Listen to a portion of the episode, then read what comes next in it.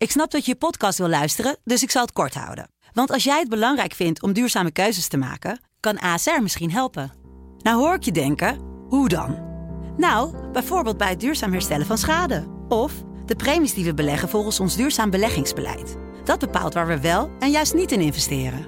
Wil je meer weten over welke duurzame keuzes ASR maakt? Ga dan naar asr.nl/slash duurzame keuzes. ASR doet het.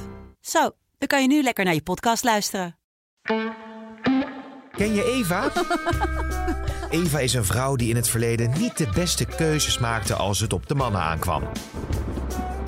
Na de laatste teleurstellende relatie en het moeten opgeven van haar kinderwens besluit ze dat het helemaal anders moet. Een vaste relatie, daar is ze klaar mee. En dus is Eva aan het daten geslagen. Dit is het Dagboek van Eva. Een podcast van Vrouw. Dinsdag.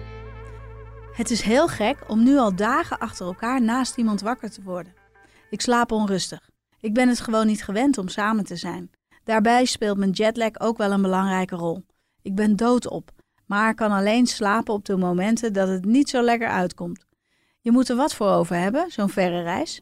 Wat ik tot nu toe gezien heb van Australië bevalt me wel. En de mensen zijn ook ontzettend aardig.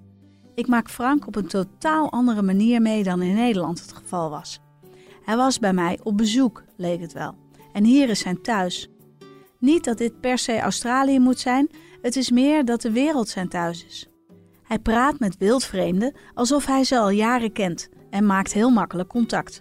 Ik vind het heel leuk om te zien, maar ik word er ook weer onrustig van. Het zijn allemaal mensen die je nooit meer ziet. Echt de diepte ingaan lukt niet. En ik heb er vooral moeite mee om die mensen te vertrouwen. Je kent ze nauwelijks. Gisteren hebben we bijvoorbeeld gegeten met een Amerikaans stel die we onderweg waren tegengekomen.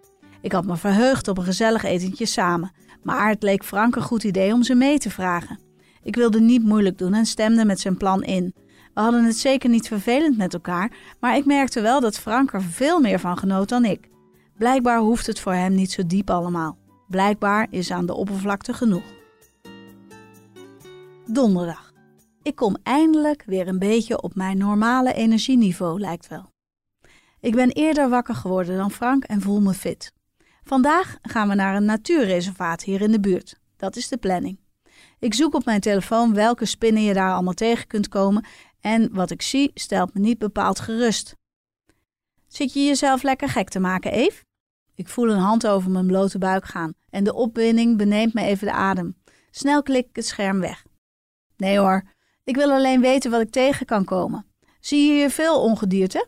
Ik vraag het zo koel mogelijk, maar ik moet er echt niet aan denken dat ik later op die dag oog in oog kom te staan met een levensgevaarlijke spin. Frank laat zijn vingers nu razendsnel over mijn buik en borsten omhoog kruipen. Volgens mij zitten ze hier al onder de lakens, plaagt hij dan. Als een klein meisje gil ik het uit. Maar mijn kreet wordt gesmoord met een kus.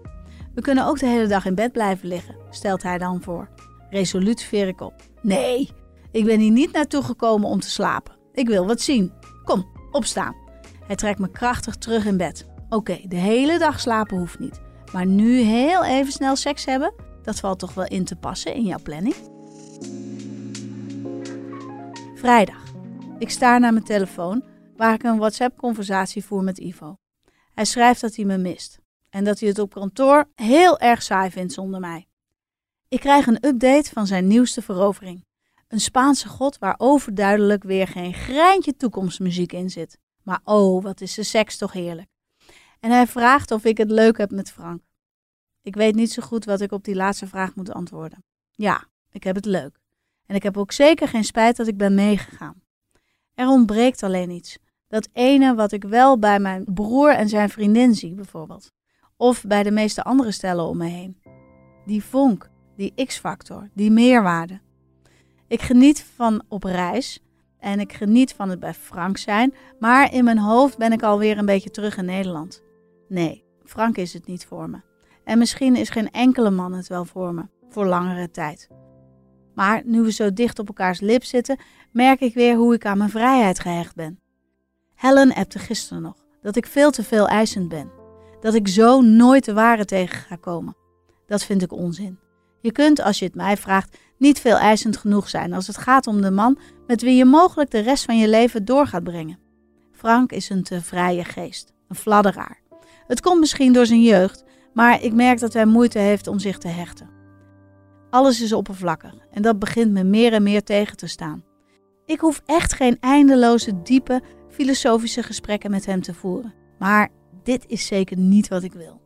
Ik kan het Ivo allemaal wel proberen uit te leggen in een WhatsApp-gesprekje, maar dat doe ik liever face-to-face.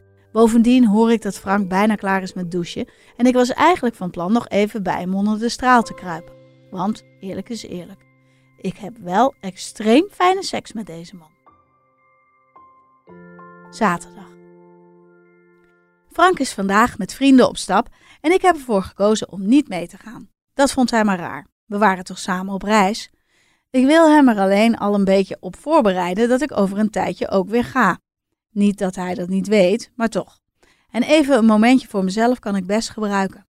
Ik heb van de gelegenheid gebruik gemaakt om even wat te winkelen. Daar houdt Frank toch niet van. Als ik met volle tassen even op een terrasje ga zitten om wat te drinken, merk ik dat een man naar me zit te staren. Brutaal kijk ik terug. Flirten, daar kun je mij dus echt wakker voor maken. Het gevoel dat ik krijg als ik beet heb is heerlijk. Het is een knappe vent, duidelijk een stukje jonger dan ik ben. Hij wijst op de stoel naast me en trekt zijn wenkbrauwen omhoog. Even twijfel ik. Is dit wel verstandig? Ah, ach. Frank komt vanavond pas thuis en ik heb me aan niemand officieel verbonden. Eén drankje kan toch geen kwaad? En zo zit ik niet veel later met Axel te praten. Een Zweedse toerist die in zijn eentje aan het backpacken is. Maandag. Frank is een rondje joggen en ik heb zojuist mijn spannende avontuurtje in een lange mail aan Ivo opgebiecht. Ik vertel het Helen later wel face-to-face. Die vindt het ergens wel geweldig om dit soort dingen van mij te horen, maar ik weet ook dat ze het niet altijd even goed begrijpt. Het begon met een leuk gesprek met de Zweedse Axel. Wat drankjes en maximaal twee uur later eindigde het ronduit ordinair in een steeg. Die plek had ik nog niet aan mijn bijzondere locatielijstje toegevoegd. Chic was het allemaal niet. Lekker overigens ook niet. Het was vooral spannend.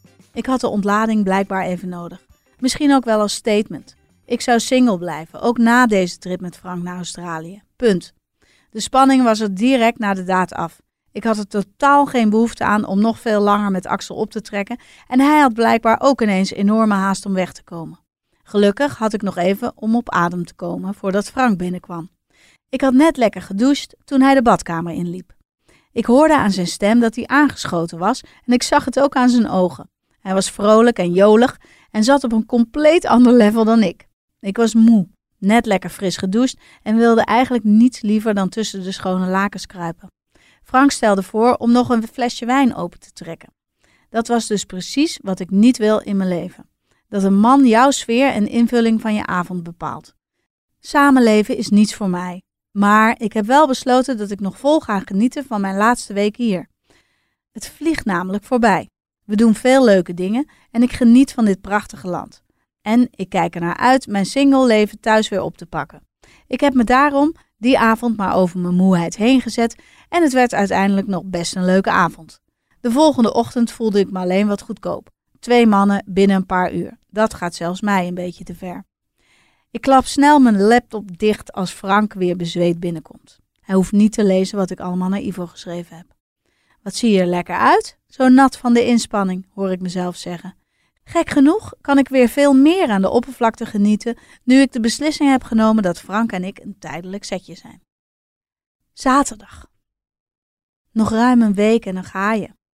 Ik hoor teleurstelling in zijn stem, die ik gek genoeg niet geloof. Volgens mij moet je Frank net zo min binden.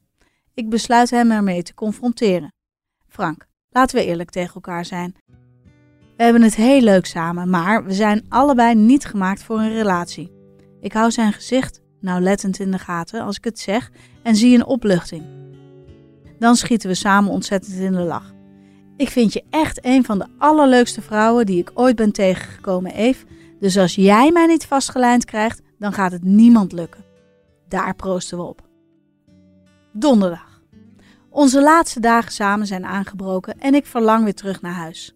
Het is goed zo. Ik heb het heel leuk gehad, maar het moet ook niet nog een week langer duren. Er ontstaan lichte irritaties. Van die irritaties die ik me ook nog wel kan herinneren uit de paar keer dat ik een relatie heb gehad. Vooral het feit dat Frank snurkt breekt me op. Ik heb de afgelopen weken s'nachts uren wakker gelegen en naar zijn geronk liggen luisteren. Nou ga je daar natuurlijk geen relatie om laten klappen, maar het benauwt me toch. Je houdt de hele dag rekening met elkaar en thuis hou ik alleen rekening met mezelf. Frank en ik hebben een geweldig leuk restaurantje gevonden waar we samen zitten. Wat gaat je het meest bijblijven van deze reis? vraagt hij. Het eerste dat door mijn hoofd flits is het zeer korte avontuurtje met de Zweedse Axel. Ik verschiet van kleur. Lekker gênant. Natuurlijk is dat niet waar ik aan terug ga denken over tien jaar. Dan denk ik aan een prachtig mooi land, de lieve mensen hier en natuurlijk ook aan Frank. Ik kan wel duizend dingen opnoemen die mij voor altijd bij zullen blijven, omzeil zijn vraag. Gaan we elkaar ooit nog zien, denk jij? Hij neemt vrij oncharmant een hap en begint dan met volle mond aan het antwoord. Oh, irritatie. Daar had ik dus wat van gezegd als wij een stel waren. Nu hoeft dat niet. Ik denk het wel. Als ik in Nederland ben, dan ga ik je zeker weer opzoeken. Maar voorlopig ben ik niet van plan om terug te komen. Vind je dat erg? Ik schud mijn hoofd. Nee, je moet jou niet kooien. Dat zie ik ook wel. Ga jij maar lekker de wereld over en laat af en toe wat van je horen. En mocht je weer in de buurt zijn, kun je altijd bij me aankloppen. Ik voel hoe zijn hand onder de tafel onder mijn jurkje glijdt. Deze krachtige, warme handen ga ik wel missen. Ik heb zin in je, fluistert hij zo zachtjes dat ik het bijna niet kan verstaan. Maar ik zie aan zijn ogen wat hij bedoelt. De wijn heeft mij inmiddels licht aangeschoten gemaakt en ik ben wel in voor iets ondeugens. Ik ook in jou, maar niet in het hotel in een bed. Ik wil het buiten doen. Ik zie dat hij dat wel een opwindend vooruitzicht vindt. Laten we mijn tijd hier maar spetterend afsluiten samen. Zondag. Ik ben met een zwaar gemoed opgestaan. Ik ga dit land ondanks al mijn eerdere emoties wel missen. En het gezelschap ook. Nou heb ik dit altijd als ik op vakantie ben. Die gekke mix van naar huis terug willen en alles nu al missen. Ik zie zo op tegen het afscheid. Ik weet dat ik ga huilen. Dat hou ik niet tegen. Ik vouw mijn laatste losse kledingstukken op en prop ze in mijn koffer. Het jurkje dat ik donderdagavond droeg zit onder de vlekken. Seks in de buitenlucht is geweldig, maar niet voor je kleren. Ik heb ervan genoten. Misschien was ik dit jurkje wel nooit meer als aandenken. Het was zoveel lekkerder dan met die Zweedse Axel. In die korte tijd zijn Frank en ik toch aardig op elkaar ingespeeld.